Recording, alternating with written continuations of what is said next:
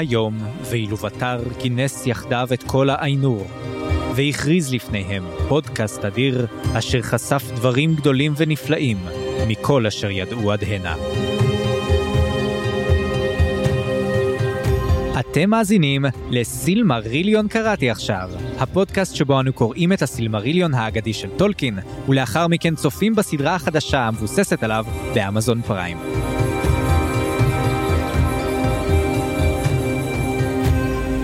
אני צפריר. ואני חיים. בואו ונתחיל.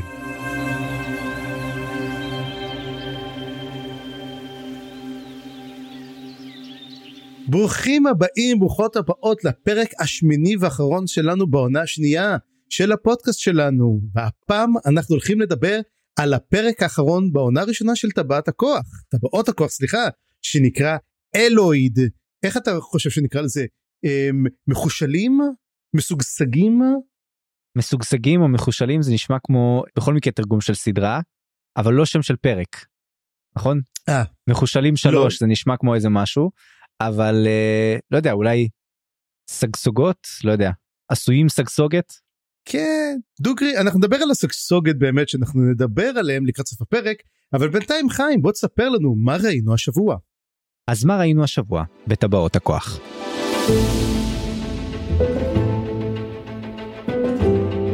זהו זה. הגענו לפרק האחרון של העונה. הגיע הזמן לראות מה הרווחנו בסוף המסע רצוף המהמורות הזה. נתחיל בנומנור, אליה חוזר הצבא המובס והפצוע בדיוק בזמן למות המלך. האם זה תחילתו של מאבק על השלטון? מה ראתה אריאן בפלנטיר? האם איסילדור באמת מת? ובעוד החלק הזה הותיר אותנו עם שאלות רבות, בשאר החלקים קיבלנו קצת יותר תשובות וגילויים, גם אם לא כל כך מפתיעים. הקומנדו ההרפוטי מגיע להציל את הזר שנתפס בינתיים על ידי לבנות הגלימות. הן מנסות לשכנע אותו להיות סאורון, למרות שברור לנו וגם לו שזה לא הוא, אבל בדרך מסירות את הבלבול שלו. גנדלף? זה אתה? או שסתם בחרת לדבר בציטוטים שלו? יאללה נורי, הגיע הזמן להיפרד מכולם ולצאת למסע של חייך, בעקבות יצר ההרפתקנות שלך, והאף כמובן. לפני שהעונה נגמרת לנו, הגיע הזמן סוף סוף לעסוק בטבעות. גלדריאל והלברנד מגיעים לארגיון, ותחת לחץ עצום לפני הבלנס פאץ' הקרוב, בו האלפים יקבלו נרף רציני, מתחילה מלאכת יצירת הטבעות. הלברנד עוזר המון בתהליך, וזהותו סוף סוף נחשפת. היי. נשאלת רק השאלה כמה נזק הספיק לעשות, וכמה טבעות הספיק לחשל, לפני שברח למורדור. וכן, העונה נגמרה, אבל הדיבורים שלנו לא, והגיע הזמן לסכם אותה כאן ועכשיו, יחד איתכם. כן, אז זה באמת מה שיהיה לנו הפרק, ולפני שאנחנו מתחילים, חסות אחת קצרה ואנחנו חוזרים. חי ליד היער ומת לדעת מה העצים שם מרכלים עליך? עושה עסקים עם פנגורן והמשא ומתן פשוט לא מתקדם כבר כמה שנים בגלל טעויות בהבנה? או אולי רוצה להכיר עצנית חמודה ולא יודע מה לומר לה?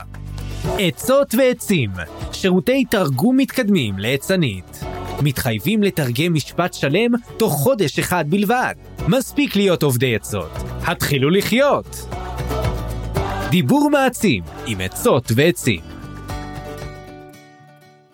סתם, התוכנית לא תחת שום חסות, אבל היא כן בתמיכת המאזינות והמאזינים שלנו בפטריון שעוזרים ועוזרות לנו לשפר את הפודקאסט ולפתח עוד רעיונות לעתיד לפודקאסט הזה ולפודקאסטים אחרים.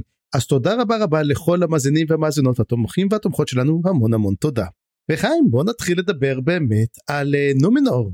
יס yes, נומנור. Um, לא קרה הרבה בעלילה של נומנור זאת אומרת uh, מת uh, אבו פלנטיר מת קשה לי לקרוא לו שם אחר אני קורא לו פשוט אבו פלנטיר או אבו מיריאל הוא מת ואיירין עושה מין איזה מין לא יודע פסל שלו אז היא כאילו אתה יודע היא מסתכלת לבדוק אותו והיא מגלה את הפלנטיר ונוגעת בו זאת אומרת אנחנו לא יודעים מה קורה שם נכון? כן זה מין זורעים לנו פה קצת אינטריגה וקצת עניין לעונה הבאה כנראה. האינטריגה שיקרה כנראה הוא שהיא הולכת בעצם להחליף את אנדריון נראה לי היא הולכת להציל את איסילדור והיא תביא איתה יחד איתה את העץ. אני חושב שככה אנחנו נראה בעצם את הנושא הזה. האמת שזה יהיה מגניב. היא ראתה בפלנטיר היא ראתה את איסילדור עדיין חי והיא תלך להציל אותו בעצם. רעיון מצוין אני חשבתי אולי היא תגלה בפלנטיר שארפרזון זומם דברים Mm. ואז היא ת- תהפוך להיות uh, ה... לא יודע אופוזיציה נגדו משהו כזה זאת גם אופציה. אבל אתה יודע זה זה לא סותר אפשר ששניהם יקרו. בכל מקרה אני אני אוהב את הכיוון הזה והאמת אני חייב לומר עם כל הדברים האחרים שהיו צריכים לקרות וגם ניתן על זה גם התייחסות כשנדבר על כל העונה אבל אני חושב שזה בסדר שבנומנור עצמה לא קרה הרבה. זה מניח לנו יסודות לעונות הבאות. זאת אומרת נתנו לזה קצת התייחסות אבל זה לא היה עיקר הפרק מהמם. ואני דווקא שמח על זה. כי סך הכל העלייה, העלילה של נומנור הייתה קצת חלשה קצת חסרת אה, פיתוח למרות זמן המסך שנתנו לה ואני בסדר עם זה שלא היא לא קיבלה עכשיו איזושהי סקירה. כן ומה שאנחנו מקבלים באמת זה בוא נגיד קצת סצנות מוזרות כל, כל הקטע של איירן בחדר המלך המלך מת הכניסה אמנם לנומינור הייתה באמת מרשימה אתה יודע שכל הדגלים השחורים על הספינות היה באמת אה, טאץ' יפה גם המוזיקה כמובן שזאת המוזיקה של הנומינור הצבאית ופה היא עושים אותה קצת אתה יודע אבל כזה קצת יותר כמובן בר מקררי הגדול עושה את זה שוב פעם. ובאמת גם כן אה, כמו שאני אגיד ככה לא מובן כל הסיפור של נומינור ומה התפקיד שלו אבל זה שנעשה את הסיכום באמת נדבר קצת על מה קרה עם הארק הנומינורי האם הייתה לו טעם או לא היה לו טעם באמת אני לא חושב שמעבר לזה יש לנו על מה לדבר. אה, אני חושב שבאמת כדאי שנעבור אה, להרפוטים שקצת יותר מעניינים טיפ טיפה.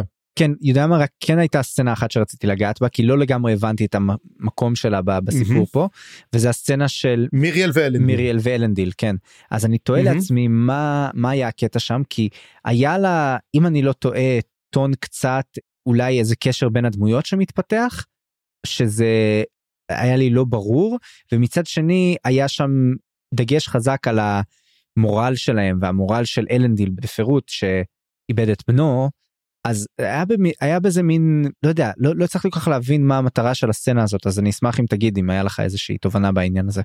אז זהו זה um, המטרה היא בעצם כל הסיפור הזה הוא להראות את ה... או בוא נגיד אנחנו כבר קראנו סלמרילון אנחנו יודעים את המערכת יחסים שהולכת להיות בין מיריאל לבין אר- בין פרזון. ואנחנו רואים את פרזון רואה מסתכל מלמעלה על גופת אביה של מיריאל המת ועם חיוך גדול על uh, פניו ואנחנו רואים בעצם מיריאל היא כאילו נראית אתה יודע הרי הוא הרואה והיא עכשיו עיוורת ויצאה וזה אנחנו רואים שהיא מנסה להראות שהיא יכולה לראות היא הולכת בלי הכיסוי עיניים והיא מנסה לזכור כמה צעדים לכל דבר צריך לעשות. צעדים לפה צעדים לשם כמה צעדים יש ללכת כי היא מנסה אה, אתה יודע להראות שעדיין חזקה אפילו עם זה. אבל אנחנו מבינים שזה כנראה לא יהיה. היא, מנ... היא, היא מנסה להראות שהיא חזקה למרות שאיבדה את מאור עיניה הוא מנסה להראות שהוא חזק למרות שאיבד את הבן שלו אבל שניהם שבורים. כן, כן. אה, ואנחנו רואים שזה די הקדמה בעצם לעלייתו של פרזון שיהפוך להיות הר פרזון שיוביל למפלת אה, נומנור בסופו של דבר. כן כנראה. הסצנה הזאת לא לא ישבה לי בדיוק אבל קצת הצלחת ל... להחזיר לי את, ה... את העניין אבל אתה, אתה צודק אולי נעבור להארפוטים ונראה קצת יותר את הדברים המעניינים שהיו בפרק הזה. אגב אני חייב להגיד שזה הפרק הראשון אני לא יודע אם שמת לב שהתחיל עם cold opening אתה שמת לב לזה? כן לפני ה titles בעצם אבל לא היה cold בדיוק, זה- opening הוא היה- יותר opening פשוט לא cold כי זה באמת זה נכון אבל אתה יודע זה פשוט cold opening זה פשוט כל פתיחה שמראה איזה משהו לפני הכריכה לפני הפתיחה כמובן cold opening יותר אמורה להראות אה, את הדמות ומה קורה אבל באמת זה היה מין איך אני אגיד לך את זה? אנה באן הכי גדול שעשו לנו? כאילו מנסים לחשוב עלינו קצת מה אנחנו חושבים? רגע זה סאורון זה לא סאורון? אז אומרים לנו כן זה סאורון! למרות שהוא לא סאורון. חלבו את זה ממש עד הרגע האחרון את העניין הזה. יותר מפרה שמוציאה דם חלבו את הדבר הזה. חבל על הזמן. וכן ה cold open שאתה מזכיר אותו זה העניין עם עם הזר שבעצם מוצאים אותו ואז אומרים לו אתה סאורון. אז כן זה היה באמת אה, ניסיון אה, אחרון נואש קצת לגרום לנו להבין את זה וזאת באמת דואליות כזאת שהם הלכו עליה כל העונה זאת אומרת זה לא משהו אה, זה לא הגיע משום מקום אבל פה. הם ניסו ברגע האחרון קצת עוד להכניס את זה למרות שזה מצחיק כי במהלך הפרק אנחנו מגלים שזה לא נכון כבר.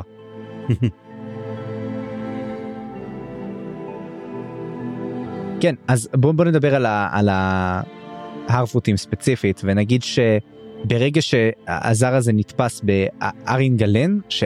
אגב איפה זה בדיוק אני לא פתחתי מפה אני חייב להודות גם אני לא. אבל גרינווד uh, זה נשמע לי כמו שם מוכר יחסית במידל ארת.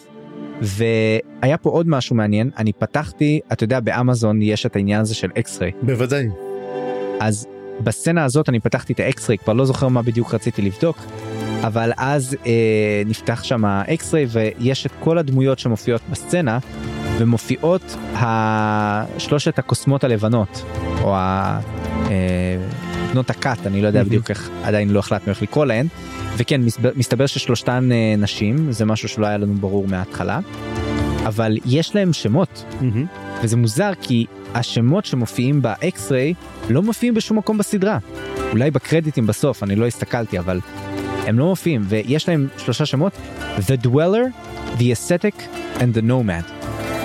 כאשר הראשית זה The Dweller שזה שמות ממש מעניינים. כן האמת היא מאוד זה באמת אבל הרגשה של כת אתה יודע אה, כאילו אתם מקבלות רק שמות כאלו אה, מי זאת הייתה The Nomad? The Nomad אה, אני לא זוכר השתיים הלא חשובות זה The Aesthetic and The Nomad mm-hmm. האחת שזורקת בטרנגס uh, את, ה... ה... אלה אני לא זוכר איך קוראים לה אבל uh, תגיד לי מה זה The Aesthetic איך מתרגמים את זה בדיוק? זאת שאלה טובה. אה, אסתטיק הייתי אומר זה הנזירה הסגפנית. סגפנית אוקיי משהו כזה כן והדוולר זה הגרה החיה? השוכן השוכנת הדרה. השוכנת? כן אוקיי. כאילו יש לנו אחת ששוכנת דרה ואחת שנודדת אתה מבין? כאילו היא נשארת במקום והיא מסתובבת. אז אולי היא הנודדת היא זאתי שמחפשת את כל הדברים היא גרה באיזה מקום עושה בלאגנית ויש אחת שפשוט לא אוכלת כלום. אמ, נראה כמו מפגש של שלוש נשים פולניות. יכול להיות יכול להיות ותשמע זה אני כל כך מתבאס כאילו למה אי אפשר ש... שזה יהיה חלק מה... לא. מהעלילה חלק שזה ייכנס של הסיפור אה, זה צריך לגלות את זה ב X-Rays או בקרדיטים זה מוזר. וחוץ מזה אה, אני חייב לומר שדווקא היה נחמד כל הסצנות פה איתן כאילו הן באמת אה, עשו עבודה טובה להראות כמה הן מפחידות וכמה הן final boss אה, ששווה להילחם בו mm-hmm. הייתי הייתי נלחם בהן במשחק מחשב כאילו נראה לי זה נחמד יש זה mini boss כזה כן לשלושתן יש יכולות שונות ואיך שהיא שורפת את כל היער זה מגניב. זהו העניין היחיד ו, ופה זה קצת uh, מוזר זה כשהן תופסות את הזר ומתחילות בעצם uh, לדבר אליו כאילו אל סאורון וכשמתבררת הטעות הגדולה זה עשה לי הרבה יותר תחושה של סרט בורקס. כאילו אתה יודע, מין טעות שלומפרית כזאת. זה לא עזריאל זה גבריאל? כן זה, זה כזאת טעות שלומפרית מטומטמת שוואלה לא הסתכלתם טוב מספיק בכוכבים לא יכולתם אה, לברר. לא יודע זה קצת מוזר והקישור לרון היה לי קצת מוזר עוד יותר mm-hmm. כי רון זה לא מורדור. רון זה דרומית למורדור אם אני לא טועה. נכון? אני חושב שצפון, ו... כן אבל אתה יודע משהו? צפונית? אני, אני אתה יודע שאני כזה גרוע במפות טולקין? אז זהו זה אני בדיוק פתחתי את זה. זה זה המזרח זאת הארץ הכי מזרחית שיש. מזרחית אפילו ממורדור זאת אומרת כל מה שמעבר למורדור ואילך כן זכרתי משהו כזה. כן זאת הארץ שאף אחד לא או מזרחית ל... או... כן זה, זאת מין הארץ שאף אחד לא התעסק איתה אתה יודע אף פעם לא דיברו עליה. כן. אתה יודע מי כן? אני חושב אם אני לא טועה בנספחים כתוב על ההיסטרי של הקוסמים מסדר mm-hmm. הקוסמים אז שניים מהם לדעתי הכחולים כן הלכו לרון. אה אוקיי אז אולי סוף סוף נראה גם את הקוסמים הכחולים אתה יודע גם עליהם לא לא היה כלום. נכון לכן זה מוזר לי כי אם עכשיו הם, הם מחברים את זה לגנדלף אה, זה קצת mm-hmm. קצת תמוה בעיניי בכל מקרה הטעות הגדולה הזאת הייתה קצת מצחיקה בעיניי העובדה שהן מרפאות אותו בעצם בזה שהן טעו ומתחילות בעצם לגרום לו להרגיש את הכוח שלו אז הן מרפאות אותו סוג של מה, מהבלבול הזה שהוא היה נתון בו וגם הבלבול ככלי מניע עלילה הוא קצת חלש. זה פותר לתסריט המון בעיות בעצם כן? כי אה, קשה להצדיק שטיפוס חכם וחזק ואהוב כמו גנדלף יתנהג כמו שהוא התנהג כל העונה עד עכשיו. אני לא יודע כמה הם הצליחו באמת בדבר הזה לאורך הסדרה במיוחד ש...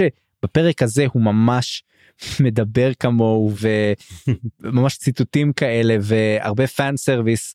הגנדלפיות שלו דווקא מאוד חזקה אבל um, כן. אני דווקא אהבתי את ה portrayal הזה של, של גנדלף. תגיד אם אנחנו מדברים על מפות הכוכבים ועל רון תגיד לי לא מוזר לך שלהארפוטים יהיה ספר עם מערכות כוכבים מרון כאילו מאיפה הם השיגו אותו מאיפה הספר הזה בכלל הגיע. כן הספר של סדוק לא יודע לא יודע. Um, אין לזה הסבר כל כך חוץ מזה שאתה יודע חוכמה עתיקה כזאת שההארפוטים נושאים איתם בצורה מסורתית. לא כי זאת ממש נבואה. כמו שאנחנו ראינו בספר שהוא סופ...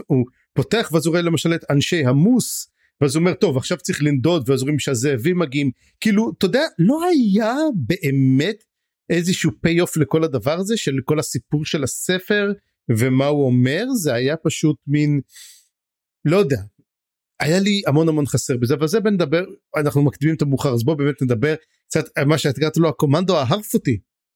כן הם ניסו uh, להתערב פה בעסק ובאמת uh, יחסית הצליחו להסיח את הדעת וזה אבל בעצם זה לא היה עובד אלא אם כן הזר היה מתעורר uh, נזכר שהוא בעצם uh, טוב ו-I am good במקום I am groot ותקף את הרעים אז כן כמובן שגם בדרך יש לנו את סדוק שמקריב את חייו. אתה יודע סדוקים במיטתם קרויים חיים.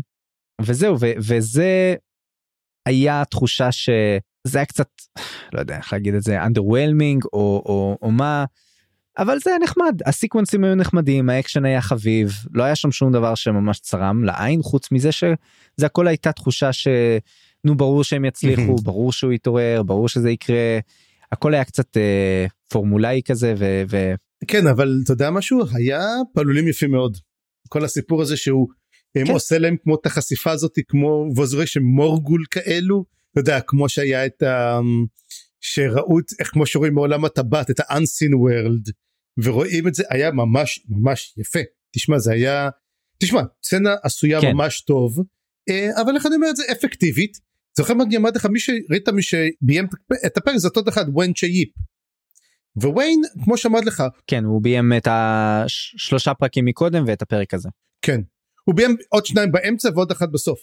ומה שקורה הוא שהוא במאי יעיל וזהו ואני יכול להגיד אבל לא יכול להגיד אף שהוא מעבר לזה. הוא לא מעבר. וזה נגיד זה היה יעיל זה היה אפקטיבי. לא יודע הסצנות אקשן שלו לא רעות ואני אהבתי דווקא איך שהוא עשה את זה איך שהוא בחר להראות את זה. ה visuals של גנדלף ממש טובים.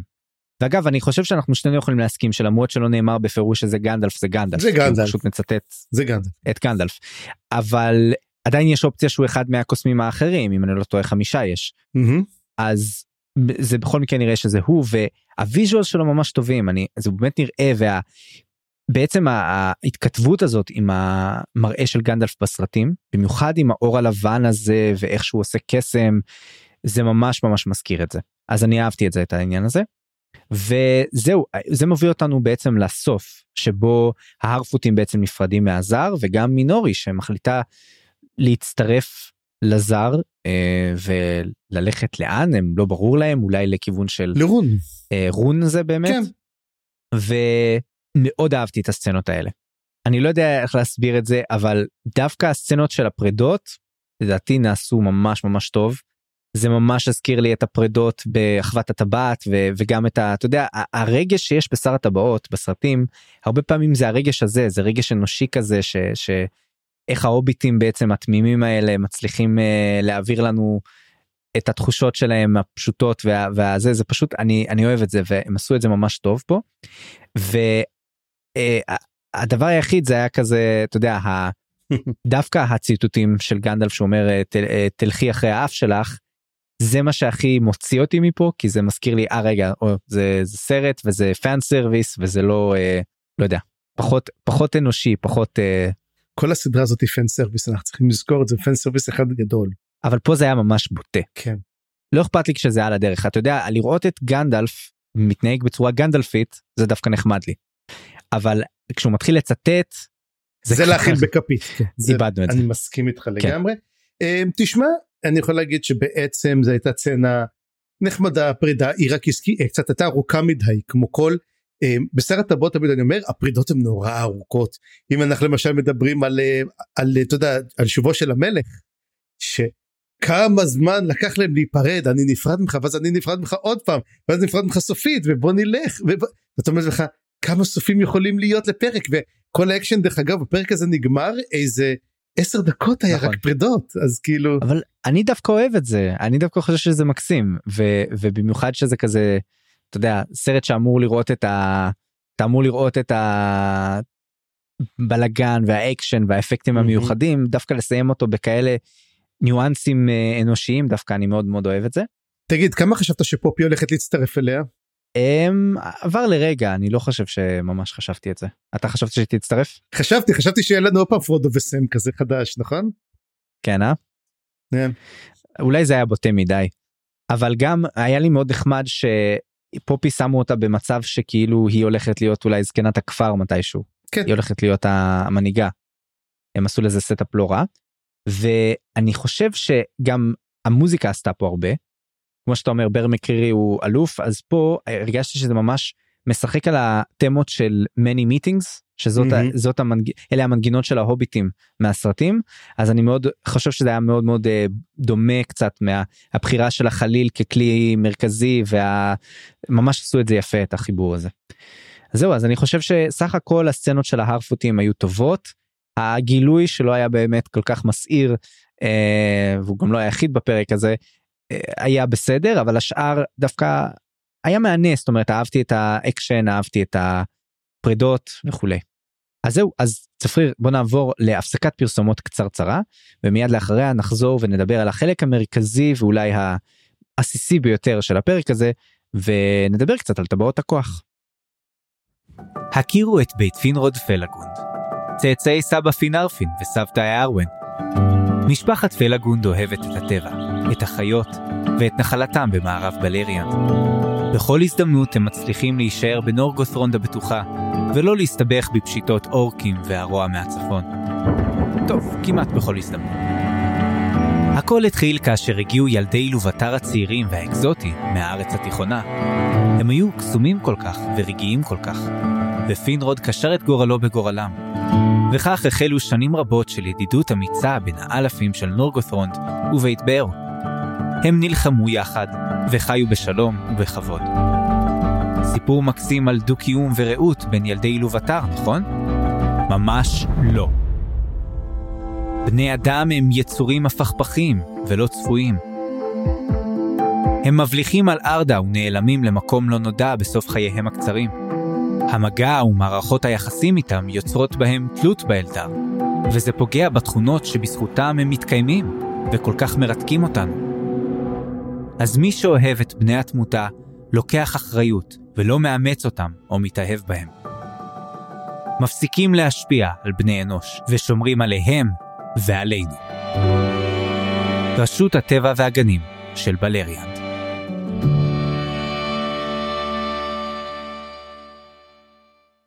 תודה שחזרתם אלינו, אנחנו צוללים אל טבעות הכוח, וצפריר, בוא קח אותנו ותגיד מה קורה פה עם החבר'ה ברגיון. אז זהו זה ברגיון אנחנו כבר מגיעים לנקודה שבה אה, מגיעים מטפלים יפה מאוד בהלברנד עושים לו כזה מין אתה יודע הוא רכב שבעה ימים עם שבר בצ- עם צלעות ש- שבורות והכל בסדר אומר אה פשוט לא נעים לי ראית את זה והוא רכב על הסוס בלי שהוא היה קשור עליו ואיכשהו לא נפל. כן שבסוף הוא כבר ממש שוכב על הסוס. איך זה איך זה קרה לא יודע. זה סוס אלפי זה סוס מיוחד. אמ, בכל מקרה מגיעים לרגיון ואז לוקחים אותו להתרפא וכמובן לגלדריאל יש לה כבר כמובן איזשהו אמ, השגות לגבי מי הוא הלברנד ומבקשת מאלף לעשות משימה חשאית בארכיון תמצא לי את כל של- שלשלות הבני אנוש שבארצות הדרום הם מחפשים אותם והיא אכן מוצאת את הדבר הזה והיא עושה באמת confrontation עם הלברנד. היא בעצם אמ, כן. מסתכלים והיא אומרת לו הנה תראה את ה... איך קוראים לזה? את, את הדברים. והנה שושלות בני אדם של ארצות הדרום מה מתברר? אבל כולם הלכו לפני אלף שנה כלומר אין כבר יותר. אמ, ואז בעצם אנחנו מגלים את ה reveal הגדול שהלברנד הוא אכן סאורון. כאילו אה, כמובן שאומר לקחתי את זה מאיש מת ואת כל הדבר אבל ואז יש בעצם את אה, כתבת את זה נחמד mind game זו האופנה החדשה אתה בוא נגיד את זה כבר אתה מתכוון למה שקרה בקישור הזמן כן לגמרי כן, עוד רגע לגמרי. נדבר על זה אני שנאתי את זה אוקיי היו פה כמה tropes הי- היו פה כמה tropes כמה? שנורא חזקים בזמן האחרון. אה, נדבר עוד רגע על ה mind games ועל העימות הזה ביניהם אבל אני חייב לומר שקודם כל עצם זה שהיא הבינה את זה דרך שושלות ואילנות יוחסין זה בגיים אוף ת'רונס יש לנו את זה. אמ, יש לנו את זה במלא מלא סרטים ו- וספרים זה כזה קצת פסה בשלב הזה. זאת אומרת הריביל הגדול היא מגלה שזה זה דרך אילנות יוחסין בספרים ישנים נו גם עזוב גם אני לא אם אני לא טועה בשר הטבעות בסרטים מה גנדלף מחפש בספרייה שם ב- את, מה קרה לטבעת האחת את הקורות הטבעת האחת מהרשומות את של ההשתלשלות סילדור שלה נכון כן ואז הוא מגלה ש he was precious to me ואז הוא מגלה שזה יותר מדי דומה והוא נוסע בחזרה לשייר ואז זה כל הסיפור כן. שם. אז שמה לפחות זה גנדלף בעצמו והוא עושה את זה תוך כדי שהוא מעשן במקטרת והוא נראה באמת שקוד ו- וככה עסוק ב- בלימוד אתה יודע אתה יכול להפוך את זה לקצת מעניין כן. אבל גלדריאל נותנת את זה לאיזה מישהו שאנחנו לא מכירים בכלל וזה סוג של כזה נו כאילו. אה, יכולתם לעשות את זה בצורה יותר משעממת ואחר כך גם אלרונד מגלה את, ה, את המגילה הזאת הוא- ולא כן, ברור אגב, מה ראית- יקרה שם. ראית, ראית שהוא עושה את הדבר הזה הוא כזה הסתכל אומר רגע כי לא כי הרי אחרי ה mind games מה שקרה היא לא יודע קפצה למים או, שה, או שסאורון ניסה להטביע אותה אנחנו לא בדיוק סגורים על מה שקרה שם אבל בוא נחזור רגע ל mind game. כי לפני כל הדבר הזה סיפור עם ה mind games היה שכאילו הוא מכניס אותה למין חזיון אתה יודע חזיון לעבר כמו שבאמת ראינו באמת בפרק האחרון גם כן של קישור הזמן של העונה הראשונה של הקרב בין רנד לבין um, בעל זמון ואותו בעצם הקרב עם סאורון ועם גלדריאל. ואני חייב להגיד שבעצם זה אתה יודע זה כזה trope סחוט אני ראיתי את זה אמרתי נו באמת מה קרה? לא היה לכם כוח אתה יודע לעשות אה, איך קוראים לזה סטים חדשים? אה, זה מה שאנחנו עושים אנחנו הולכים על אותו סט ישן? אני אגיד לך מה זה מעבר למחזור של הסטים שזה כמובן יתרון יש לזה עוד יתרון מבחינת יוצרי הסדרה וזה שא' לא צריך להשקיע בסצנות אקשן בסוף וב' וגם אתה יודע מה אולי אם היו עושים סצנת אקשן הייתי אומר עזוב אני כבר עברתי את מארוול אני כבר יודע מה זה סצנות אקשן גדולות של הסוף זה כבר פחות מעניין גם כן וגם לראות את גלדריאל מלחמת זה לא כזה מעניין מי יודע מה אז כל הדברים האלה מילא אפשר עוד להגיד אותם. אבל נראה לי הדבר העיקרי שמנסים לפתור בצורה הזאת זה שזאת מין הזדמנות לסגור פינות לעבור את הארק לסיים את הארק של הדמות לעשות אותה בצורה יחסית שונה. אבל כל הדבר הזה כמו שאמרת אני חושב בפרק הקודם שמאוד מאוד אהבתי היה אפשר לעשות במהלך הסדרה עם פלשבקים עם אה, דיאלוגים מהמם. יותר מעניינים עם כל הדברים האלה עם סצנות יותר אה, עם בחירות יותר מעניינות של הדמות. להפוך אותה לדמות מלאה ואז לא אתה לא צריך להגיע לסוף ולהגיד או שיט לא לא הבאנו את הדמות ל, ל, לסוף אז בוא בוא נעשה את זה עכשיו ברגע האחרון בקרב האחרון בעצם. אגב אם היית רוצה לעשות את זה יותר מעניין וכמו שאני אומר יה- היו להם אופציות לעשות את זה יותר מעניין יכולת להגיד את זה שהיא בעצם באה להילחם. היא נלחמת היא שולפת החרב וממש נלחמת בו וכמה שהיא עושה את כל ה... ראינו כאילו למדנו שהיא כזאת לוחמת נהדרת. והיא עושה את כל התרגילים שלה ופשוט הלברנד חוסם אותה בקלות. היא כאילו מנסה משתדלת לא מצליחה. בסוף היא שולפת את החרב של האח שלה וכשכמעט מגיעה ואז הוא אומר או אני, אני זוכר את החרב הזאת ואז הוא אומר זו חרב שמישהו ניסה להרוג אותי ואני הרגתי אותו והוא פשוט מין זורק לה את החרב והיא פשוט מבינה שלא משנה מה היא תעשי היא לעולם לא תצליח לנצח אותו. היא לעולם לא תהיה בזה זה תפיסה שתשנה אותה. שהיא תבין אני לא יכולה ללכת נגדו אני צריכה לעזור לעולם מה שיבין למה היא לוקחת את הטבעת הכוח בסופו של דבר. היא בעצם הופכת להיות מלוחמת כן. שאומרת בלחימה לא יעזור לי אני לא אצליח לחסל אותו בלחימה אני צריך לחסל אותו בדרך אחרת. אנחנו לא רואים את זה היא בסופו של דבר כן מוותרת על לחימה ואנחנו לא מבינים למה בכלל. היא מקבלת את המוות כן. של אח שלה היא לא מקבלת אותו אבל בסופו של דבר מין אין את הפיתוח דמות לאופן הגיוני ונורמלי זה מין פסיכולוגיה לא מובנת למה קורים הדברים האלו. אני מסכים זה לא זה לא פועל ישיר של זה אבל כן בהמשך כשהיא מתיחה את הפגיון לצורך uh, חישול הטבעות זה כן אומר את הקו הזה שאתה אומר אותו אבל זה, זה נראה מנותק זה לא נראה קשור כל כך. בדיוק צריך לעשות את הקשר יש קשרים חבר'ה אני אומר לכל החבר'ה שיושבים בחדר הכותבים דבר מוביל לדבר מוביל לדבר אז כן. הנה הדבר. ואגב בקטע שהם מתעמתים וסאורון מנסה לגרום לה להצטרף אליו כן. אז שם יש ציטוט נוסף מהסרט, אה. מהסרטים. עלית על זה? She, she will be a dark queen לא? כן. כן אגב הצנ, הצצנה הזאת שבאמת יש את ההפוך הזה שרואים אותם ואז רואים אותו באמת כיסרון במים תשמע זה היה קטע יפה. אני אגיד ויזואלית אני לא יכול להגיד שהסדרה לא טובה הסדרה מדהימה ויזואלית רק חבר'ה לכתוב יותר טוב זה לא כזה קשה. מיליון דולר לפרק לא יכולים לתת להם עוד פיצה אחת לשבת עד הלילה ול, ולכתוב משהו. תקשיב בתור צופה צעיר Mm-hmm. אה, כשראיתי את הסצנות של גלדריאל בסרטים שהיא הופכת להיות רעה לרגע. וכשפרודו מציע לה את הטבעת ויש כזה היפוך הופך את זה לנגטיב Mm-hmm. זה היה כל כך עוצמתי ואמרתי לעצמי שפה ה visuals היו אולי מלוטשים ויפים אבל לא היה להם את ה... אתה יודע את הקטע ממש שמוציא אותך מאיזון. אתה מבין מה אני מתכוון? הכוח של הנגטיב שם היה שהוא ממש הוציא אותך מאיזון ואתה כזה וואו זה ממש מוזר זה מפחיד זה מטריד. פה אין לך דבר כזה אבל הציטוט שהיא אומרת הוא ממש אחד לאחד היא אומרת אה, not dark but beautiful and terrible as the dawn treacherous as the seas stronger than the foundations of the earth זה ממש היא לוקחת מילה במילה את, ה, את המילים האלה. וזה כזה אוקיי בסדר הבנו מה אתם עושים פה לקחו את הפן סרוויס הגבירו אותו ל-11 ואתה יודע כן. צריך קצת כסף בשביל לפדות את הצ'קים האלה. זה נכון ומה שקורה באמת היא סלאש טובעת סלאש אה, נופלת למים ושומטת את האילן יוחסין ואז שמגיע לשם אלרונד ומציל אותה בעצם מושה אותה מן המים ואז הוא כאילו אומר מה היא הסתכלה ואז הוא עושה כזה מין אתה יודע עושה מין גריד כזה בודק את כל זה והוא מוצא את ה... אה, שהמים לקחו קצת את האילן יוחסין והוא מבין באמת מי היה הלברנד בעצמו. אבל לפני זה גם כן באמת רציתי לדבר גם כן על כל קטע של אבני החן ראינו בעצם שהוא עשה שלוש אבני חן כמו אה, פנור שעשה גם כן את הסילמרילים וקלברימבור עשה את האבנים שכולנו יודעים הולכות להיות של טבעות הכוח. ובאמת הוא אמר שהוא לכד את היסודות של העולם הזה כמו שפנור לכד את היסודות של, ה, אה, של ואלינור של העצים של האור וזה זה דווקא היה רעיון מאוד מאוד נחמד. נכון זאת הייתה רמיזה טובה. זה משהו גם שכשקראנו את הסילמריליון דיברנו על זה שיש סוג של הקבלה ביניהם אבל לא מדברים עליה.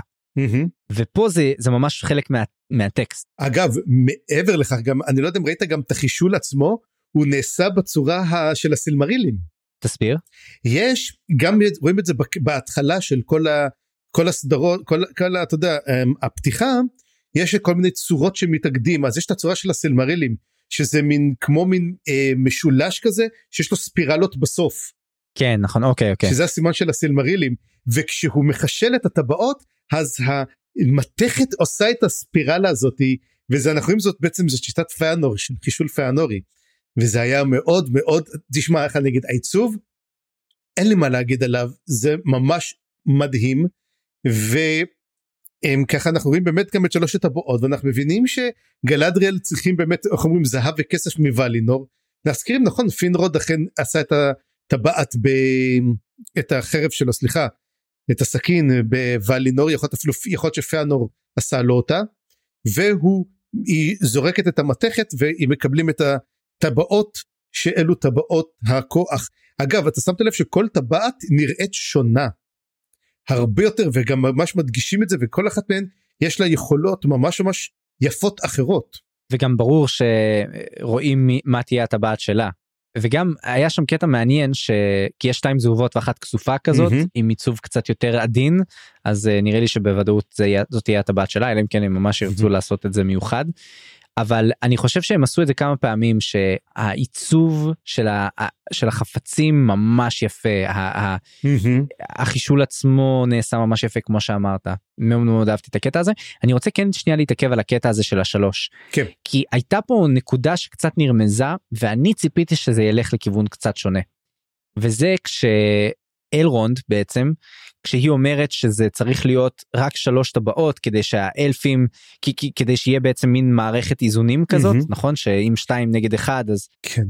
וזה היה מוזר כי אני ציפיתי שאלרונד בשלב הזה יגיד לא רגע לא רק לאלפים מגיעה היכולת או הזכות לשלוט אלא. בוא ניתן את זה גם לגמד, לגמדים או בני האדם או whatever וזה היה מוזר כאילו אני אני ציפיתי שזה שהוא יגיד משהו וזה כן היה שם שוט של הפנים שלו לרגע שהוא עשה מין פרצוף אבל לא חשבתי שהם באמת הלכו לכיוון הזה ואני גם דווקא רציתי שזה ילך לכיוון הזה.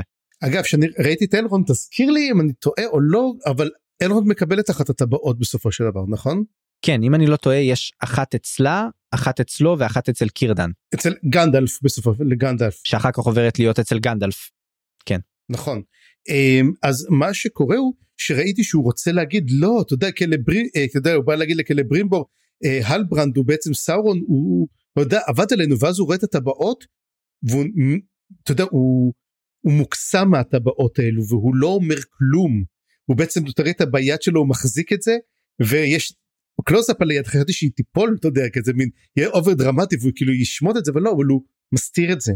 הוא בכוונה מסתיר את הזהות של הלברנד כי הוא רוצה את הטבעות אז זה יהיה מעניין לראות מה יקרה בעצם והאם אנחנו נראה עוד מה קורה אגב אני לא יודע אם שמת לב אבל בתהליך החישול שהם זורקים את המית'ריל אה, לתוך הטבע לתוך החישול אז נוצרת העין האחת של אה, סאורון. כן נכון וגם uh, זה הזכיר קצת את התביעה של הטבעת בסוף הספר השלישי. כן כמובן. סוף הסרט השלישי.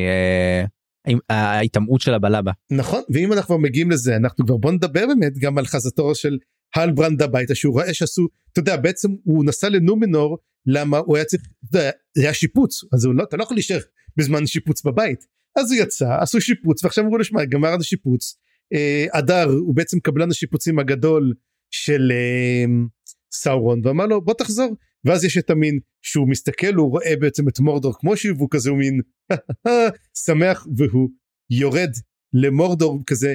מאוד מזכיר את הסוף את הסוף של הסרטים. אנחנו כמו שראינו סוף הסרט הראשון שהם הולכים ל... ל אתה יודע לאבנים וכמו כל אתה יודע שתמיד רואים את מורדור מרחוק והם יורדים אליה כמו הסרט השני גם. כן נכון. uh, והסצנה יפה השוט יפה כאילו זה לא uh, זה באמת גם לא השוטים מדהימים הש, הש, השוטים בסדרה הזאת מדהימים אין מה לדבר. נכון קצת עדיין לא מסתדר אתה יודע המראה שלו ואם רגע נזכיר את הסילמריליון סאורון אמור להפוך מתישהו לסאורון שאנחנו מכירים וזה אמור לקרות בנומנור עצמה כשאחרי נפילת נומנור.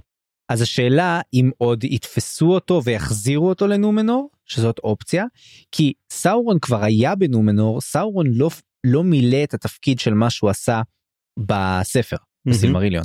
זאת אומרת בסילמריליון הוא, הוא, הוא השחית שם את, ה, את, ה, את המקומיים ואז אה, זה מה שהוביל בסופו של דבר למפלה שלה. אבל פה כשהוא היה בנומנור לא ראינו שום דבר כזה.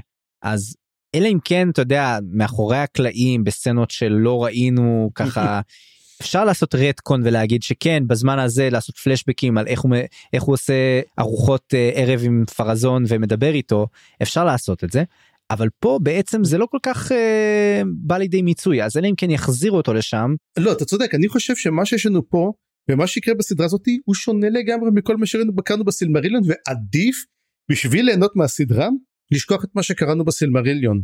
זאת אומרת בכלל כל האקלבס. למה? מכיוון שזה לא אותו דבר אנחנו כבר שגלדריאל שונה הזמנים שונים כל הדברים האלו הם די לקחו ועשו מה שבא להם. נכון אין לי בעיה עם זה באופן עקרוני. אני אני גם כמוך יחסית יודע לנתק את הדברים. אני לא שואל את זה בשביל להראות היי פה הם עשו שונה פה הם עשו שונה למה הם עשו את זה? זאת לא השאלה. אני שואל את עצמי אבל מה הם רצו לעשות? מה הם רצו להשיג בשינויים האלה? זאת אומרת השינויים האלה הם הרבה כסף. אוקיי. אה, אה, לא אז הסיבה לשינויים הזאת היא מאוד פשוטה. אין להם את הזכויות לכל הדברים. יש להם זכויות לנספחים זה הדבר היחידי הם יכולים לקחת משם והם כל פעם תשמע יכול להיות שאפילו יש להם הרבה אנשים הרי אתה ראית שמי שיועץ ראשי שלהם זה סיימון טולקין עכשיו לא תגיד סיימון טולקין לא יודע מה החיים שלו הוא יודע טוב מאוד אז הוא מודע לכל השינויים האלו שנעשים. אבל מעבר לשינויים מה שנצרך בגלל הזה העניין הוא שבתוך הזכויות יש קלוז שהם כן יכולים להשתמש בדמויות וכאלה אם זה נצרך לעלילה. הם כן יכולים לה, לה, להסתמך על דברים כאלה. כנראה שהיה להם מגבלות בתוך זה כמה אפשר ואיזה דמויות ספציפית אי אפשר להשתמש בזה. אבל כן היה מעניין לראות את החיבורים האלה ואני לא אני קראתי את הנספחים פעם אחת אבל אני לא חושב שהם ממש הלכו אחד לאחד במה שכתוב בנספחים הם גם הוסיפו המון משלהם וזה והכל בסדר. אבל אני שואל את עצמי בכל זאת רגע, לא היה כדאי להכניס איזה סצנה או שתיים שרואים את uh, סאורון משחית את המקומיים בנומנור? הם כבר בנומנור, הם כבר שם. לא, זה לא משתלם להכניס פה עוד איזה את האלמנט הזה? אני מסכים איתך, אתה צודק. במקום זה קיבלנו סיפור אהבה בין אריאן למה שמו שאני אפילו לא זוכר את השם שלו. קים קרום קם קרם משהו כזה קיר לא זוכר אחד הבן הבן של פרזון הבן של פרזון שהוא דמות הוא דמות מאוד חשובה מהספר. תשמע אני בדיוק כאילו- רציתי להגיד זה כאילו למה היה לנו את הרומאו ויוליה שלא הגיע לשום מקום? אבל אתה צריך להבין שמדובר על ארק של חמש שנים שכבר ככל הנראה אני אמרתי אולי יעשו כל אתה יודע משהו אחר אבל נראה שהם די ממשיכים את הנוגע לזה. אז אני לא כן. יודע מה אני יכול להגיד על זה. um, אתה צודק אני יכול להגיד שאתה צודק מאוד אפילו רק פה באמת נדבר ובאמת אני רציתי להגיד את זה על שיר הטבעת בקרדיטים שמי שרה מי שרה פיונה אפל. אה, אני רואה את הפרצוף של של עכשיו אתה יודע אני אגיד לך אני, אני חיכיתי לרגע הזה שבוע שלם ואגיד לך למה. תתכונן להיות מאוכזב צפיר. לא לא מאוכזב השאלה עצמה אמרתי חיים ידע מי זאת פיונה אפל או לא ידע מי זאת פיונה אפל עכשיו אני אגיד לך פיונה אפל הייתה אחת מהזמרות הגדולות של שנות התשעים בצנת האינדי ובצנת האלט והיא הייתה נהדרת ומדהימה עד כדי כך אפילו שבסאוף פארק הקצין משטרה אומר זאת פיונה אפל if זו לא פיונה אפל לא אכפת לי מכלום. Um, אני ממליץ לכל מי שלא מכיר את פיונה אפל באמת לשבת ולשמוע את זה. יש לה את השיר קרימינל זה השיר באמת הגדול ביותר שלה. היא עשתה גם ביצוע מדהים ל-I want you של אלוויס קוסטלו. היא זמרת נהדרת והיא מאוד מאוד מזכירה קצת את הזמרת ששרה את השיר um, של הסרט השני אתה יודע השיר של גולום. מאוד מאוד מזכיר את זה אותה עבירה אפלה היא גם כן זמרת הזאת קצת יש לה מין מורבידיות קלה וזו הייתה בחירה מושלמת וזה גם אחלה מוזיקה. אה, אחלה אני לא הכרתי האמת אני חייב לומר אני אה, מאוד אה, חובב מוזיקה גדול ואני מנסה כן להכיר דברים אבל את זה לא הכרתי אבל אני חייב לתת לך עכשיו ואתה נותן לי אחד אני אתן לך אחד חזרה. יש את הביצוע של השיר הזה של שיר הטבעת ועוד כמה שירים שבהשראת שר הטבעות אצל זמרת שנקראת סלי אולדפילד שהייתה דווקא זמרת יותר מוקדמת אני חושב שנות ה-70 80 ואחות של מייקל אולדפילד אבל זה כבר נראה לי פחות אנשים יכירו. מי לא מכיר את מייק אולדפילד השם ישמור. מי הגדול הגדול לשמור כן. כן טובילר בלס וכל הדברים האלה. נכון. אולי יש פה כאלה שמכירים. בכל מקרה סלי אולדפילד כתבה שיר שנקרא או בעצם זאת אנתולוגיה של שירים שנקראת Songs of the Quendy. קוונדי זה כמובן שם uh, של אלפים. איך האלפים קוראים לעצמם בעצם אז מי שרוצה שיקשיב לזה אני מאוד מאוד אוהב את הביצוע הזה מאוד מאוד נחמד גם יש שם את השיר הזה של uh, שלוש טבעות לאלפים שבע טבעות לגמדאים תשע טבעות לבני אדם וכל אלה. אוקיי? אז uh, נחמד אני גם אהבתי את הסיום הזה. מה שכן זה היה לי קצת חבל כי כאילו טוב לא יודע בעצם אולי יש לזה מקום בעונות הבאות אבל קצת לא הסבירו על הטבעות uh, או מה זה אומר שישים טבעות למה טבעות זה חשוב. כי הרי מה קיבלנו הסבר על הטבעות פה? הטבעות של האלפים um, יש בהן קצת uh, מית'ריל ואולי זה ככה יציל את העם האלפי מדעיכה לא ברור איך. Um, אגב זה באמת קורה. אנחנו צריכים לזכור שלפעמים יש כאן בסילמריליון היכולת של הטבעות האלה הייתה להם מן השפעה שהאלפים פרחו ושגשגו בגללם. אנחנו נראה את זה באמת. אז יהיה מעניין באמת לראות את הדבר הזה אבל אתה יודע אם יש לנו סדרה של חמש עונות שמדברים על טבעות אז באמת מן הראוי שבסוף עונה ראשונה הטבעות מחושלות בשני אנחנו נראה קצת יותר בשלישי נראה את המלחמה על הטבעות ברביעית הטבעת האחת. אתה יודע יש פה מספיק מספיק מקום לפתח את זה ואני מאוד מקווה שיש להם את ה bible סגור וכתוב כבר. ודווקא אני אוהב את זה ש, שסיימנו במין שוט ללא אקשן פשוט רואים את mm-hmm. הטבעות מלמעלה וכזה זה הולך ו, ודועך וזה יפה לסיים בהן גם מבחינת אתה יודע השם של הסדרה וכל הדברים האלה וגם זה לא משהו בומבסטי כזה של uh, קרב או מלחמה או משהו כזה דווקא אהבתי שזה מסתיים שם. אז זה היה דווקא סיום לא רע. כן.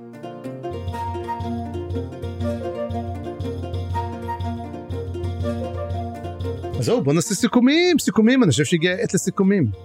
טוב צפריר אני אני מרגיש קצת מוזר דווקא כי אני חושב שהרבה מהדברים ש... שיהיה לנו להגיד פה קצת uh, כבר uh, uh, חלחלו לתוך הפרקים הקודמים וגם לפרק הזה אבל כן ננסה לעשות איזשהו סיכום, אז בוא נדבר רגע סיכומון קצר על הפרק ואז על העונה כולה. אז מה חשבת על הפרק? אז אני אתחיל. מעולה. אני חושב שהפרק הזה היה פרק סיום בינוני פלוס, אין מה להגיד, הוא היה יותר טוב בפרקים הקודמים, או שזה היה קשה.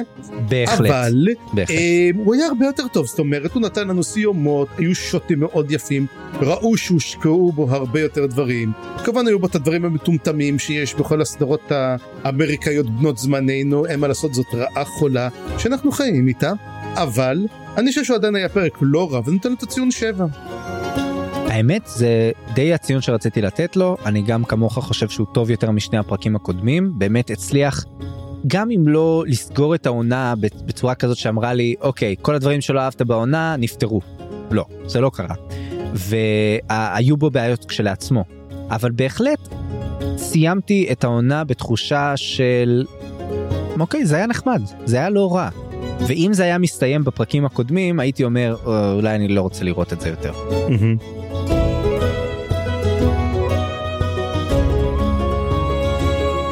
אז בוא נסגור את העונה עכשיו, אה, מה חשבת על כל העונה בכללי? אז זהו זה, אני יכול להבין את האנשים שהם נגד. קודם כל הטהרנים הטולקינאים זה בשבילהם לקחת ולא רוצה להגיד מילים יפות אבל זה, זה להשמיד את כל הקאנון שלהם. תבין, אה, בניגוד להרבה סדרות אחרות פנטזיה שיש גדולות יותר ממנה, הרבה יותר מפורטות ממנה, קיימות, טולקין איכשהו קיבלה מעמד של איך אני אגיד את זה? אפילו פסודו אקדמי. זאת אומרת אתה קורא את הספרים של טולקין וכל הספר של טולקין אפילו ברן ולותיין ובני הורין הוא לא מדבר את הסיפור אלא הוא מספר מה טולקין כתב באיזה שנה הוא כתב את זה מה הוא כתב במכתב לרופא השיניים שלו כשהוא עשה את הדבר הזה ובאיזה עמוד זה היה האם זה מסתבך כמה גרסאות היו זה ממש ממש ממש נהיה כזה דבר. ואנשים ממש ממש לכן מעריכים את הפרטים הקטנים. ופה לקחו את הכל שינו את כל העלילה הפכו ניסו לעשות קצת אקשן כזה קצת פחות. בעוד שצירסקו סרט הבוט יש בו המון המון דברים כל הסלמריליון וכל הלג'נדרים יש בו המון דברים של אקשן אבל לא ככה כמו שנאמר אז אני יכול להבין אותם. מצד שני אנשים שלא טהרני טולקין וסתם רוצים לראות סדרת טלוויזיה כן יוכלו ליהנות ממנה. כן אם אתה לא מכיר את כל מה שהם גלדריל אתה יכול להגיד וואי זה מגניב אני ראיתי את גלדריל בסרט הבוט ועכשיו היא מין לוחמת כזאת אז וואלה זה מגניב לא ידעתי איזה טוויסט מגניב. אז כן זה יותר נועד גם כן אני אגיד זה לאנשים שלא ראו את הסדרה. הבימוי בוא נגיד ברובו אפקטיבי מעטות הצנות הטובות מאוד אבל כן עיצוב מדהים הפקה גרנדיוזית ברמות שלא ראיתי הרבה סדרות שמגיעות לדבר הזה. אני יכול להגיד שעדיין אני נותן לעונה הנוכחית את הציון 6-6 וחצי מכיוון שהיא נשענת כולה על יופי ויזואלי ומעט מאוד חוכמה בכתיבה. בימוי בינוני לפעמים קצת למעלה לפעמים קצת למטה אבל מין שבלון הפנטזיה ג'נרית אוקיי אומרים שטולקין אוהבי פנטזיה ג'נרית אז אנחנו ממשיכים את זה הלאה עדיין אני חושב יש מקום לסדרות אחרות אולי מקוריות ולא צריך למחזר תמיד את מה שאנחנו כבר מכירים. טוב שמע סיכום מאוד מאוד אה, יפה ואני באמת מסכים עם הרבה נקודות שהעלית אז אני אנסה לתת את הזווית אה, שלי שאני גם אה, חושב שסך הכל אני מראש לא חשבתי שטהרני או חובבי טולקין הסיביים בהכרח יאהבו את זה אני אני די הייתי בטוח שלא. וגם אני כבר זוכר מהסרטים שהיה הרבה שהתנגדו לה אתה יודע כמה מלחמות תפסו אצל צ'ק, פיטר ג'קסון לגולס בלונדיני! לשרוף אותם! כן אני אני לזה לא ציפיתי שזה יהיה שונה וידעתי שזה מה שהולך לקרות אז אני, אני אתייחס דווקא לאזור של אתה יודע אנשים שאולי מכירים טולקין אולי ראו את הסרטים אולי קראו את הספרים אולי לא ורוצים לבוא ולראות סדרה טובה. אז סדרה טובה זאת לא הייתה לצערי אני לא חושב אני לא שם אותה בסדרות הטובות שראיתי אפילו לא בסדרות הפנטזיה הטובות שראיתי.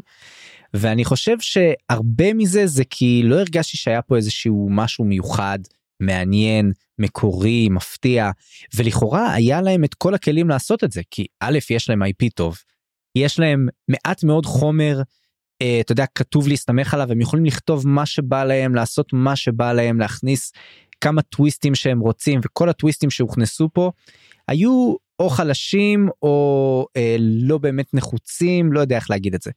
הטוויסטים הכי גדולים פה שאנחנו רואים את אה, לידתו של סאורון או, או אתה יודע הסיפור מאחוריו ואת אה, גנדלף שגם הכניסו אותו משום מקום אבל לפחות תעשו עם זה משהו מאוד מעניין.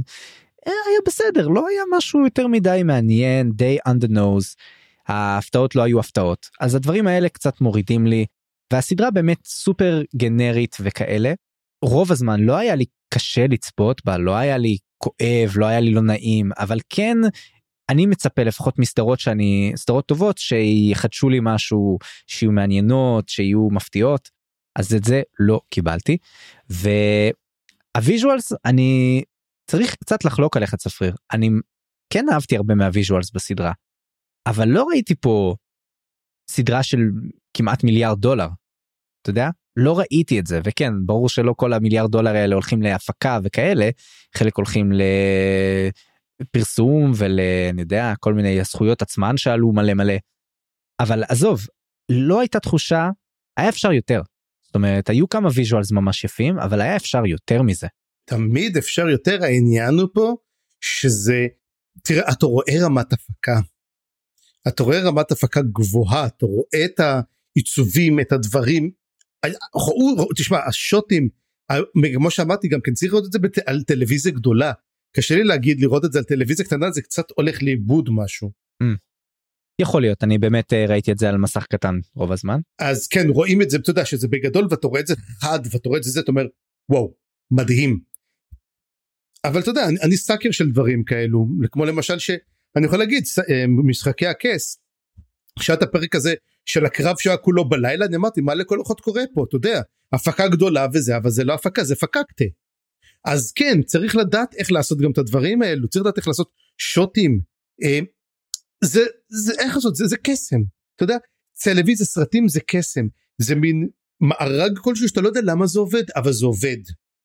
ולפעמים זה עובד יותר כן. לפעמים זה עובד פחות בסדרה הזאת כמו שאתה גם אומר זה עובד קצת פחות.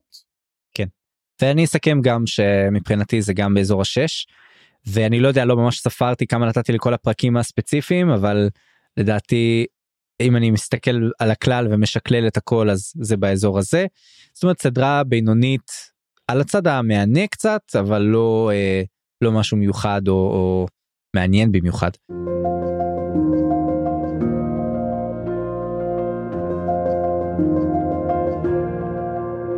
זהו אז נראה לי שסיכמנו פה. אנחנו נשמח כמובן כמובן לשמוע מה אתם מאזינים ומאזינות חשבתם על הסדרה הזאת. נשמח uh, שתכתבו לנו בפייסבוק ומה ש... איך שלא תרצו. ואני חושב שזאת הזדמנות גם לדבר טיפה על מה יקרה עם הפודקאסט בהמשך כי אנחנו מסיימים עכשיו את העונה ומסיימים את ה... uh, גם העונה של הפודקאסט ומה יקרה בעצם uh, הלאה. אז צפריר אני חושב שאם אנחנו מסתכלים על הזמן הקרוב אנחנו יוצאים לסוג של פגרה mm-hmm. עד העונה השלישית. אנחנו לא מתחייבים כאן אבל רוב הסיכויים שנמשיך עם הסדרה הזאת. אלא אם כן אה, יהיה משהו אה, יוצא דופן אנחנו כן מתכוונים לראות את העונות הבאות נכון צפיר? כן אגב כבר הם כבר הודיעו כבר דרך אגב שעל המון המון לוהקים חדשים שמגיעים כולל דרך אגב הם הודיעו שקירדן לוהק אז יהיה מעניין בקטע הזה. כן אני אני חושב שכן יש איתם לעוד ואני רוצה לראות מה יקרה אז אנחנו כשתגיע כן. העונה הבאה לך תדע עוד כמה זמן זה יהיה עוד שנה שנתיים אנחנו נהיה שם. תראה זה יהיה מעניין השאלה עצמה השאלה עצמה כמה הם באמת יהיו טובים אתה מבין. אבל אנחנו אנחנו איתם. מספיק עניינו אותנו בשביל שנדע מה יהיה בעונה השנייה. כן. ו... עד אז יש לנו בעצם תכנון לאולי פרק או שניים או יותר נראה של אה, פרקי בונוס. יכול להיות שנביא אורחים מיוחדים יכול להיות שזה אבל זה אל תצפו לזה באיזה שהם אה, מרווחי זמן ברורים. אם תראו את הפוסט אה, קופץ בפייסבוק או את הפרק מופיע לכם בפיד תדעו שאנחנו חושבים על עוד דרכים לעניין אתכם ולעשות את הפרקים האלה שאין להם כל כך אולי זמן במהלך העונה הרגילה ואנחנו כן רוצים להכניס אותם אז תצפו לדברים כאלה אולי בהמשך. ואולי ישמח את חלקכם לדעת שיש לנו עוד פודקאסטים ואתם מוזמנים כמובן להאזין לנו גם שם. אז אה, צפריר אתה רוצה לספר לנו קצת על הפודקאסטים האחרים שלנו? כן ודאי אז הפודקאסט הארוך ביותר שאנחנו עדיין עשינו אותו והוא רץ ב-81 פרקים זה הפודקאסט של גרם מלאזן קורא פה. אנחנו מדברים על סדרת הספרים ספר הנופלים של מלאזן סדרה שמאוד מאוד קשה להיכנס אליה. רק הספר הראשון תורגם לעברית שאר הספרים לא תורגמו ואנחנו קוראים אותם באנגלית. אנחנו כל פרק מדברים על כמה פרקים, דנים בינינו, מנסים להבין מה לכל אחת קורה שם, ואם אתם אי פעם רציתם לקרוא את הספר, הספר ראשון נקרא גני הירח, תקשיבו לנו, אנחנו, אה, הרבה אנשים אה, אמרו לי, תשמע, זאת הדרך להתחיל לקרוא את הספרים, כי מי שמתחיל את זה לבד, או באמת עובר את זה ואתה יודע, מקבל מסע קומטה לבד, או מצטרף אלינו לקבוצת התמיכה. אה, פודקאסט נוסף שאנחנו עושים גם כן, בקרוב, קוראים לו פודקאסט מדלגי עולמות, חיים בוא תספר לנו עליו. כן, מדלגי העולמות זה הפודקאסט החדש ביותר שלנו, יש בינתיים רק טריילר ואנחנו מקווים להתחיל אותו בינואר, וזה באמת הולך להיות אה, פודקאסט שעוסק בסדרת ספרים, או לא סדרה, אבל אה, כמה ספרים חדשים של ברנדון סנדרסון, שהוא סופר פנטזיה מאוד מוכר, אה, בן ימינו דווקא, שכתב כמה ספרים בסוד במהלך הקורונה, והוא עכשיו הולך לשחרר את כולם ב-2023, ואנחנו ממש נעסוק בהם אחד אחד כשהם יוצאים, אנחנו לא יודעים עליהם כלום, רק שהם stand alone, הם לא קשורים לסדרות אחרות מעבר לכזה חלק מהיקום הסנדרסוני הקולנועי אבל לא אבל לא קולנועי. אה, אז זהו אז זה מה שאנחנו הולכים לעסוק בו במדלגי העולמות ויש את הפודקאסט שאולי הכי הכי דומה ו, ומקביל לפודקאסט הזה אולי תרצו להסתכל עליו זה כמובן אה, קישור הזמן יומן צפייה. וצפריר ספר לנו במילה אחת מה זה הפודקאסט הזה. זה קישור הזמן ובו אנחנו צופים. אה, סדרת קישור הזמן גם כן יצאה באמזון. כמובן לי ולחיים יש היסטוריה מאוד ארוכה ונהדרת עם הסדרה סדרת הספרים. וכשיצאה סדרה נורא התלהבנו ואמרנו היי בוא נעשה את אותו דבר נראה את הסדרה ונדבר עליה אבל לאו דווקא מבחינת הספרים אלא מבחינת טלוויזיה. ועוד כשני אנשים שקראו את הסדרה איך אנחנו מקבלים תחשבו על זה בעצם כאילו טולקינאים ממש כבדים שמתחילים לראות את הסדרה אני חושב שזה אה, קשה אנחנו לא טולקינאים אנחנו קראנו את הסילמריליון וזה אבל כקישור הזמן אנחנו טהרנים לגמרי ויש לנו הרבה מה להגיד על הסדרה הזאת. ושם אנחנו נוגעים בדברים באמת דרך אה, עיניים ללא ספוילרים בלי להסתכל על הספרים שזה mm-hmm. חלק מהמאזינים דווקא אה, רצו יותר לעסוק בספרים אבל אנחנו דווקא באמת לקחנו את העניין הזה אז זה גם מתאים למי שלא קרא את הספרים. וזהו אז uh, אלה הזדמנויות שלכם להצטרף אלינו גם באפיקים אחרים שאנחנו עושים וכמובן שלפודקאסט הזה אני מקווה שנחזור בהמשך בצורה יותר uh, רצינית אחרי הפגרה. לעוד עונה של טבעות הכוח ועוד עונה של הפודקאסט אין כרגע תכנון שלנו לעסוק בעוד ספרים של טולקין אבל לכו תדעו אולי גם את זה מתישהו נעשה אין לנו כרגע תכנונים ספציפיים אבל גם uh, מוכנים כמובן לשמוע על הדבר הזה אם יש לכם רעיונות או דברים כאלה נשמח תמיד לשמוע. וזה הזמן גם להגיד אנחנו לא חופרים על זה במהלך העונה ובמהלך הפרקים הרגילים. אם נהניתם מהפודקאסט ובא לכם לתמוך בנו כדי שנמשיך לעשות את מה שאנחנו עושים ולהפיק עוד תוכן כזה זה יהיה ממש נפלא ונעריך את זה מאוד. תשקלו לתמוך בנו בפטריון או לקנות איזה מרץ' בהשראת הפודקאסט. יהיה לזה לינקים בתיאור של הפודקאסט או בפייסבוק.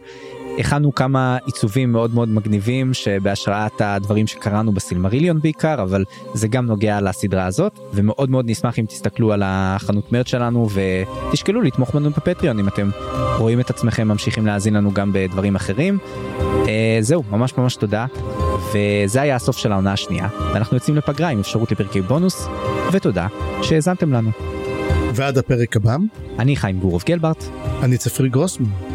תוכלו ליצור איתנו קשר בקבוצת הפייסבוק ובערוץ הדיסקורד שלנו, פרקים בתיאור הפרק. ואם אהבתם מה ששמעתם, דרגו את הפודקאסט באפליקציית הפודקאסטים החביבה עליכם, וספרו עליו לחברים. עריכה וסאונד חיים גורוב גלברט.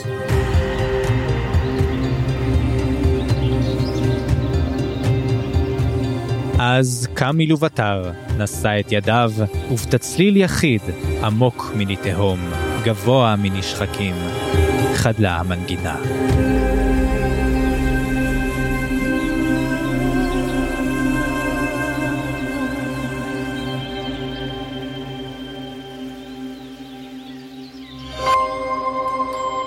היזיון, הסכתים פנטסטיים